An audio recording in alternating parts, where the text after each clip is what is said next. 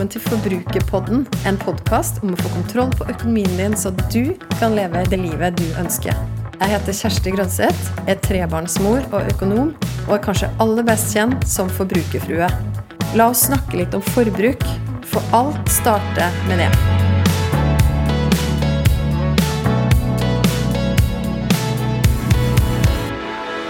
Hei, du som hører på Forbrukerpodden, om dette er første episode, eller om du er fast lytter.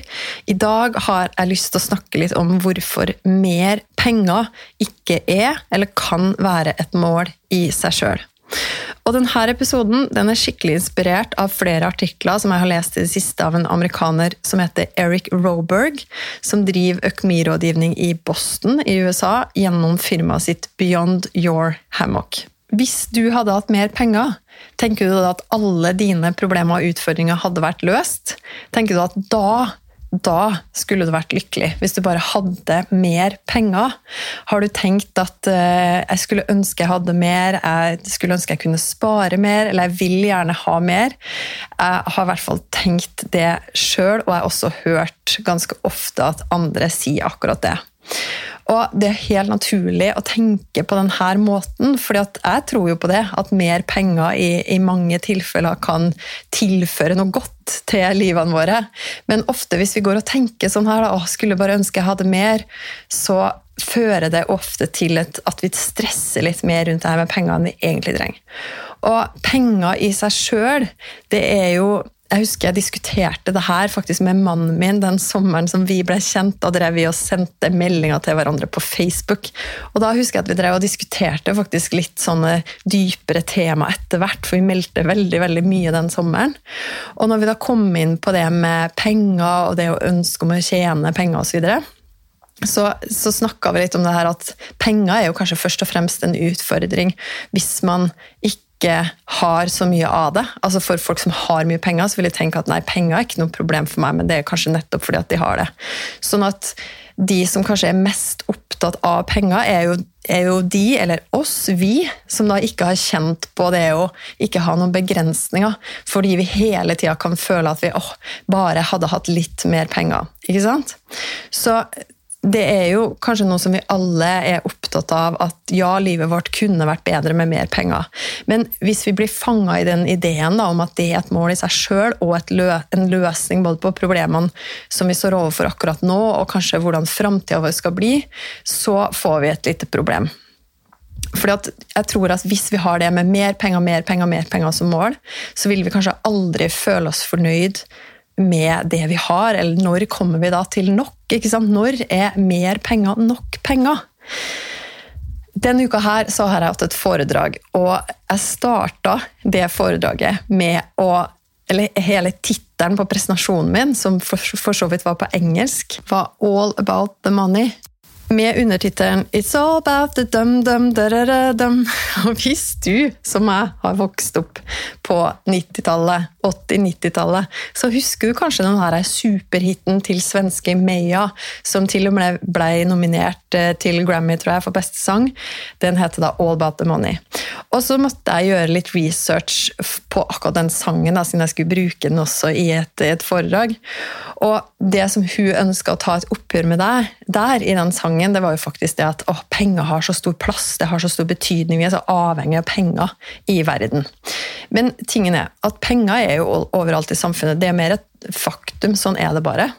Og det er jo ikke heller en dårlig ting. Fordi penger hjelper oss å fungere hver dag. Altså det hjelper oss å få det vi trenger, og mye av det vi ønsker oss. Og du trenger jo penger til alt i livet. Levekostnader fra å betale boliglånet ditt, hvis du har det, eller husleie for den del, til å se på Netflix, eller å kose deg med middag ute eller take away kaffe. Og du trenger det for å kunne spare til ferie og andre drømmer som du har. Og penger det gjør jo faktisk livet lettere, og det kan til og med gjøre deg lykkeligere. Og da, Gjennom noen av de artiklene som jeg leste, så kom jeg også over en bok som heter Happy Money. The Science of Happier Spending, som er skrevet av to forfattere som heter Elizabeth Dunn og Michael Norton. Og De ganske, har funnet ganske mye interessant i sin forskning, da, for de har drevet og forska litt på det her med hvordan, hvordan, vi faktisk Om vi blir lykkeligere av å bruke penger. Og en av de tingene som er interessant, er jo at de fant at ja, hvis du skal bruke penger, så blir du mer lykkelig av å bruke dem på opplevelser enn på ting. Det er kanskje åpenbart, og det her kjenner du kanskje også i ditt eget liv. Men likevel så tror jeg vi ofte blir litt sånn lure, lurer oss sjøl inn til å tenke at vi trenger masse ting. Og det som er med ting, er at det er veldig lett å sammenligne. Og det er veldig lett å, å se på en måte hvor mye vi har av det, eller hvor store ting, eller hvor fancy ting. Det er også da lett at du er fornøyd med noe som du hadde kjøpt, og så ser du naboen. ikke sant? Og så klassisk så tenker du at oi, det var ikke så veldig kult det jeg hadde kjøpt likevel, fordi naboen hadde jo noe mye fetere. Sett det litt på spissen, selvfølgelig. Det er ikke sikkert at du kjenner deg igjen en gang i den sammenligningen med naboen, men jeg vet at mange gjør det, inkludert meg sjøl. Men og så videre i den eh, forskningen da, så sier de at eh, når vi bruker penger på ting, så har vi en tendens til å faktisk angre på det kjøpet, fordi at det endte opp med å ikke gjøre oss lykkelige. Men når det gjelder at vi kjøper oss opplevelser, så sier vi ofte at hvis vi hadde hatt muligheten til å bli med på en opplevelse som vi droppa, så angrer vi på det. Hvis vi droppa det for å spare pengene, så angrer vi gjerne på det etterpå.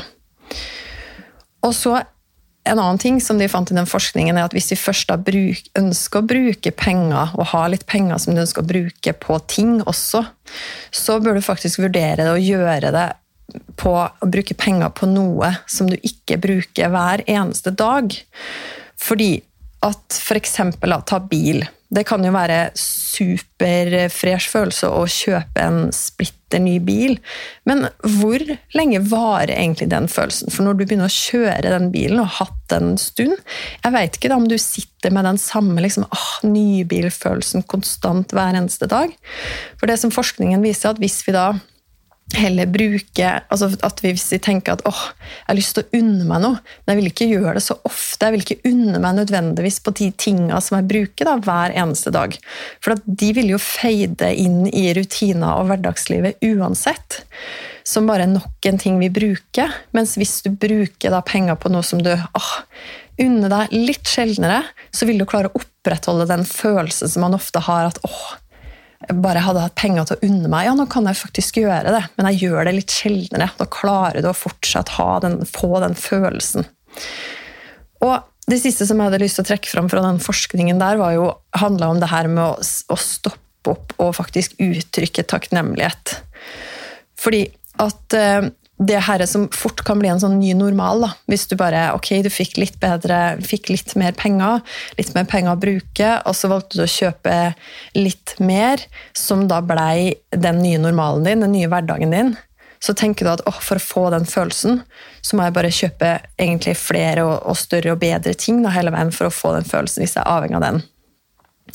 Men hvis vi heller stoppe opp og så uttrykke takknemlighet for det vi har, så vil vi egentlig klare mye større grad å stoppe den der trenden med at åh, overflod er egentlig bare en litt sånn ulempe for oss, ikke sant? fordi at vi, det blir en sånn avhengighetsgreie. Ja, du skjønner tegninga. Stopp opp og vær takknemlig. Uttrykk takknemlighet for det du har. Så penger er avgjørende for de aller fleste av oss. Og Derfor er det naturlig at vi har fokus på det. Og du har sikkert heller aldri møtt noen som hvis de hadde fått spørsmålet ikke var i stand til å lage en liste over ting de gjerne ville brukt penger på hvis de fikk midler til å gjøre det. Altså, Mannen min og jeg gjør det konkret. Vi setter oss av og til noen mål på økning i inntekt, f.eks., og så ser vi ok, hvordan vil vi da brukt de pengene. Eller så gjør vi motsatt. At vi ser at oi, på det området i livet vårt så kunne vi tenkt oss å gjort mer av akkurat det her, eller brukt mer penger på akkurat det her. Ok, Hvor mye mer inntekt må vi da tjene? Og så kan det være veldig motiverende å sette det som et mål.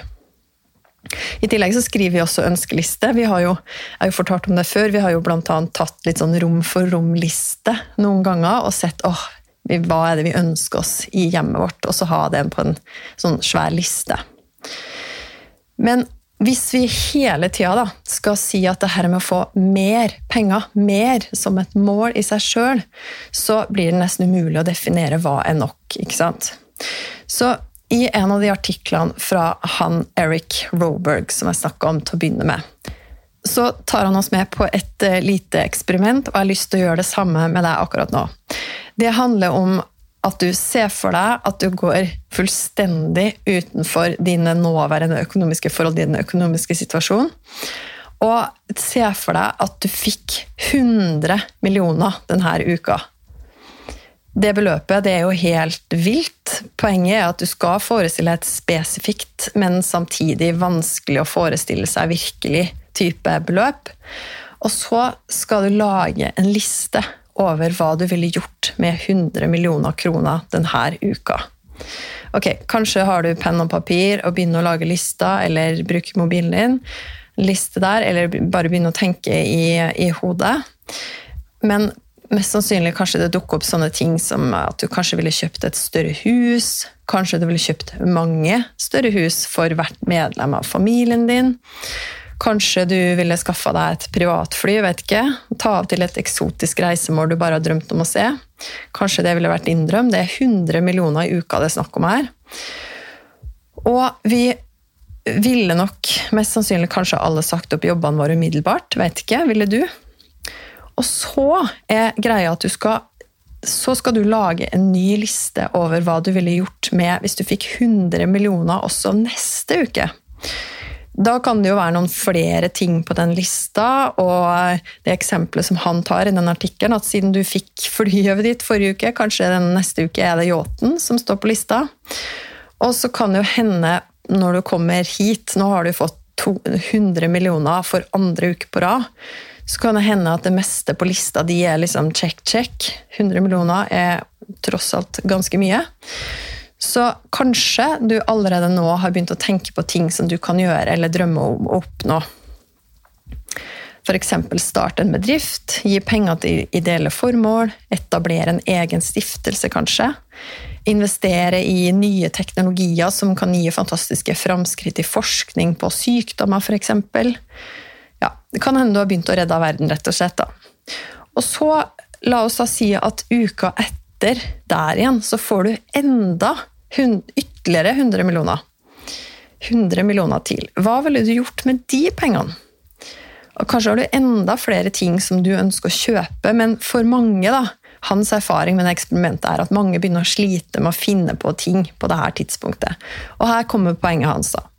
Å gå gjennom denne øvelsen det, det, bør hjelpe deg å tømme tankene dine for de materielle tinga og ønskene om ja, det som du tenker åh, det skulle jeg kjøpt. Det ville jeg blitt eh, lykkelig av å ha hatt. Det jeg ville tilfredsstilt et behov som, som jeg har, eller en drøm. Som har en tendens til altså Når du er på det stedet der du åpenbart har begrensning, ikke en sånn ubegrensa situasjon som en sånn der litt eh, flåsete, kan du tenke, 100 millioners beløp, men i hverdagen vår, så er det likevel altså Når vi har begrensninger, da, så er det så lett at det er de der tingene vi, altså Tankene våre blir heller full av de tinga som vi tenker åh, jeg kunne jo oppgradert badet hvis jeg hadde hatt litt mer penger. Eller da kunne jeg jo også kanskje kjørt en bedre bil. åh, Det er litt stress med akkurat det å smøre matpakke hver eneste dag, så skulle jeg i hvert fall hatt noen, kanskje skulle hatt en kokk da, som er ansatt til. Og, altså, så begynner vi å på en måte tenke på de utfordringene vi har i hverdagen. Og fordi at vi rett og slett har, har begrensninger i vår egen økonomi. Og det er alltid noe vi kan ønske oss, og det er alltid også noe som andre har, som vi ikke har, som faktisk kan distrahere deg fra det du virkelig setter pris på. Fordi det som har en tendens til å skje med det her tankeeksperimentet, er at når du først får tømt lista over de her materielle tinga, så merker du, og så får du enda 100 millioner, enda 100 millioner, så blir jo du utfordra til å tenke hva er det som faktisk betyr noe for deg? Hva ville du gjort hvis penger reelt sett ikke var en begrensning?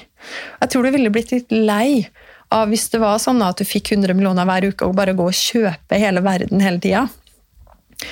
Og så, for Det handler om å få kontakt da, med hva er det absolutt, absolutt viktigste for deg i ditt liv. Og det her blir jo ganske dypt, egentlig, når, når vi snakker om det på denne måten. Men de tingene som du ikke ofte går og tenker på i hverdagen, da.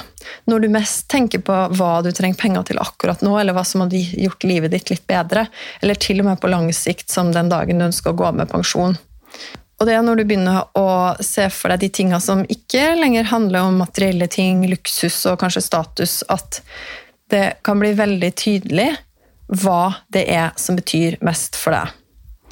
Og det er et enda bedre sted å jobbe fra hvis du ønsker å lage deg en visjon for hvordan du kan bruke pengene dine. Ikke bare ha et mål om å få mer penger for å få det i seg sjøl, men når du ønsker å bruke pengene dine som et verktøy for å oppnå nettopp de viktigste tinga i ditt liv. Så det du trenger, er noen mål som handler om mer enn mer penger. Fordi at det, sånn som jeg var inne på i sted, også det å stadig bare jage etter mer penger, er egentlig en reise som bare vil føre til stress og evig frustrasjon. Fordi vi kommer til å aldri kommer aldri til å føle at vi har nok. Jeg lurer på om det var Jim Carrey, skuespilleren, som sa at jeg skulle ønske at alle bare kunne bli rik og berømt, sånn at alle kunne forstå at det egentlig ikke er det de vil. Nettopp det å bli rik og berømt. Og det er veldig veldig, veldig vanskelig for oss å se for oss som helt vanlige, som deg og meg, som ikke er rike og kanskje føler oss rike, i hvert fall, eller som ikke er så berømte. Det er så lett å bare bli og tenke ja, ja, det er lett for han å si. Og det er umulig å få den samme innsikten som han sitter med. Nå har han nå en gang delt det, da, og flere med han, at kanskje er det ikke det som faktisk er målet. Så hvis du nå går tilbake til den lista som du lagde i sted, da du fikk spørsmål om de her 100 millionene, så ser du etter om du kan finne de måla som faktisk ville gjort en positiv forskjell i livet ditt. Det kan jo hende at du gikk rett dit ikke sant? og gikk på de absolutt viktigste tinga først. Men hvis du da litt sånn som meg, ville hatt en liste med en del materielle ting først, osv., osv. Og så kom du etter hvert, når du fant ut at penger faktisk ikke var en begrensning, så kom du til de tinga du virkelig kunne tenke deg å teste ut eller gjøre. F.eks. ta sjansen på den forretningsideen som du har hatt en stund. Jeg fikk en melding fra en av dere som hører på Forbrukerpodden etter en annen episode, om at hun hadde da blitt inspirert til å satse på sin egen business. Og da blei jeg så glad. Sånne meldinger det betyr enormt mye for meg å få.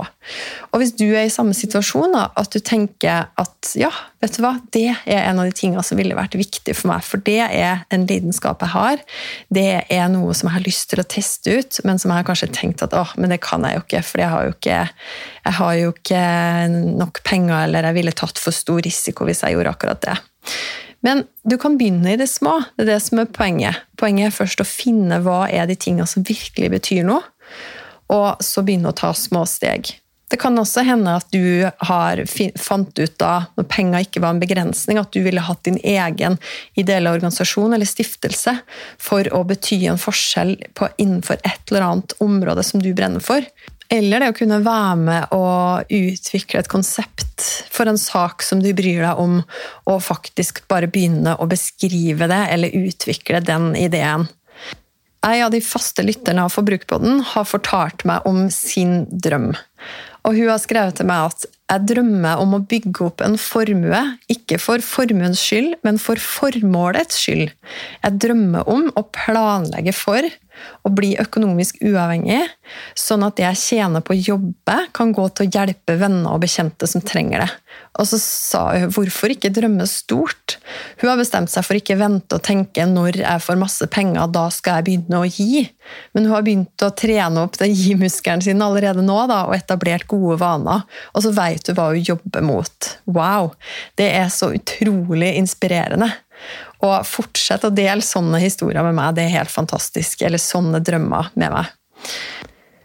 Dette viser så godt da, at penger det kan være et kraftfullt verktøy. Mer penger kan aldri bli et konkret mål i seg sjøl.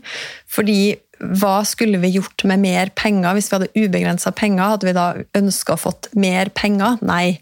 Så det kan ikke være et mål i seg sjøl, det må være et middel for å nå et annet mål. Så hvis vi forstår det, da, at penger er et verktøy som vi kan bruke for å hjelpe oss med å oppnå det vi faktisk ønsker, så kan vi jo lage oss ganske kule mål. Og få et annet perspektiv på pengene våre. For da handler det å ta tak i økonomien og kanskje først rydde opp der og ta de stegene som du må ta for å få mer overskudd i din egen økonomi. Men da gir det veldig mye men mer mening da, hvis du har noen mål på andre sida som handler mer enn å bare få mer penger for å få mer penger. Så når du da lager, hvis du gjør den øvelsen at du lager mål som er mer i tråd med det som virkelig betyr noe for deg, så for å gjøre det enda mer konkret, så er jo neste steg å prioritere de måla etter viktighet. Og så kan du begynne å sette tall på de. Og det er ofte sånn at det er da det blir konkret for deg, at du kan gjøre det også konkret. Hvis du har satt opp noen mål allerede, spør deg sjøl hvor mye vil hvert mål koste. Altså, Hvor mye må du ha spart opp for å kunne realisere en businessidé, eller for å kunne etablere en stiftelse hvis det er dine mål? Og hva er tidsperspektivet? Altså, når ønsker du å ha nådd måla? Er det sånn at det vil være mulig for deg å spare opp nok penger for hvert av de måla, for alle måla, innen den fristen? Dette kan jo være en frist du setter langt fram i tid. ikke sant? Hvis ikke det er mulig for deg å nå alle måla, er det sånn at du kan geriljaspare, du kan kutte kostnader i en periode fordi du virkelig har lyst til å se at noe av dette målet blir realisert? Eller kan du skyve på datoen? Eller er det sånn at hvis du har mange mål på den lista, så må du kanskje prioritere også og droppe de som står nederst, og bare fokusere på de øverste? Kanskje du skal gå all in for å spare opp penger til det, å realisere den businessideen som du går og tenker på. Så når du har gjort den øvelsen her, så har du helt sikkert funnet ut av noen ting. Du har funnet ut av hva som virkelig er viktig for deg, og at penger i seg sjøl ikke er et mål, men det er et verktøy som vil gjøre det mulig for deg å nå dine mål. Altså det som betyr noe. Og så er, har du også funnet ut, hvis du gjorde den siste øvelsen, at mål de, jo, de kan jo være veldig fleksible. Og de kan tilpasses eh, økonomien din akkurat her og nå. Og kanskje kan du gjøre noen ting, men gjør det konkret uansett. Og det siste jeg håper du har tenkt gjennom når du har hørt på episoden, og kanskje blitt mer bevisst på, er at det her konstante jaget er egentlig bare vi som lurer oss sjøl. Vi som ikke har kjent på følelsen av at penger ikke er en begrensning. Vi tror, vi lurer oss sjøl til å tro at bare litt mer, litt mer, litt mer, så vil vi få det enda bedre og enda flere muligheter. Så når du da har tenkt tanken, eksperimentet om at det er ingen begrensning, så har du forhåpentligvis funnet ut enda mer. Rydda bort litt av den støyen som ofte foregår oppi hodet vårt. Så kan du begynne å gi rom for tanker og betraktninger og refleksjoner rundt hva du virkelig verdsetter. Og så det som er det kuleste, er jo at du kan gjøre det her også veldig konkret. For som jeg sa, det finnes noen steg som du kan ta for først å bli litt mer bevisst og få rydda opp litt i din egen økonomi. Få spart opp den bufferen og betalt ned dyr gjeld og rigge deg, sikre deg sjøl økonomisk både nå og for framtida. Og så bestemme deg for hva skal du bruke det overskuddet som du etter hvert fortsetter å skape? Hva skal du bruke det på? Hva er dine drømmer? Hva er det som betyr noe for deg? Og ikke minst også hvilken arv er det du vil etterlate deg? Ikke bare i form av penger, men også i det i form av det du har skapt, og det du får lov å være med og skape. Så ta med deg det perspektivet inn i resten av dagen din. Ha en nydelig dag. Tenk gjennom i smått og i stort hva dine penger kan få lov til å bety for deg og for andre. Jeg vil gjerne vite hva du tenker etter å ha hørt episoden. Så koble med meg på Instagram. Der finner du meg som forbrukerfrue. Send meg en melding. Tagg meg gjerne i Story og del episoden her hvis du likte den. Eller send meg spørsmål. Og husk å abonnere på podkasten Forbrukerpodden, så får du beskjed hver gang det kommer en ny episode. Vi høres!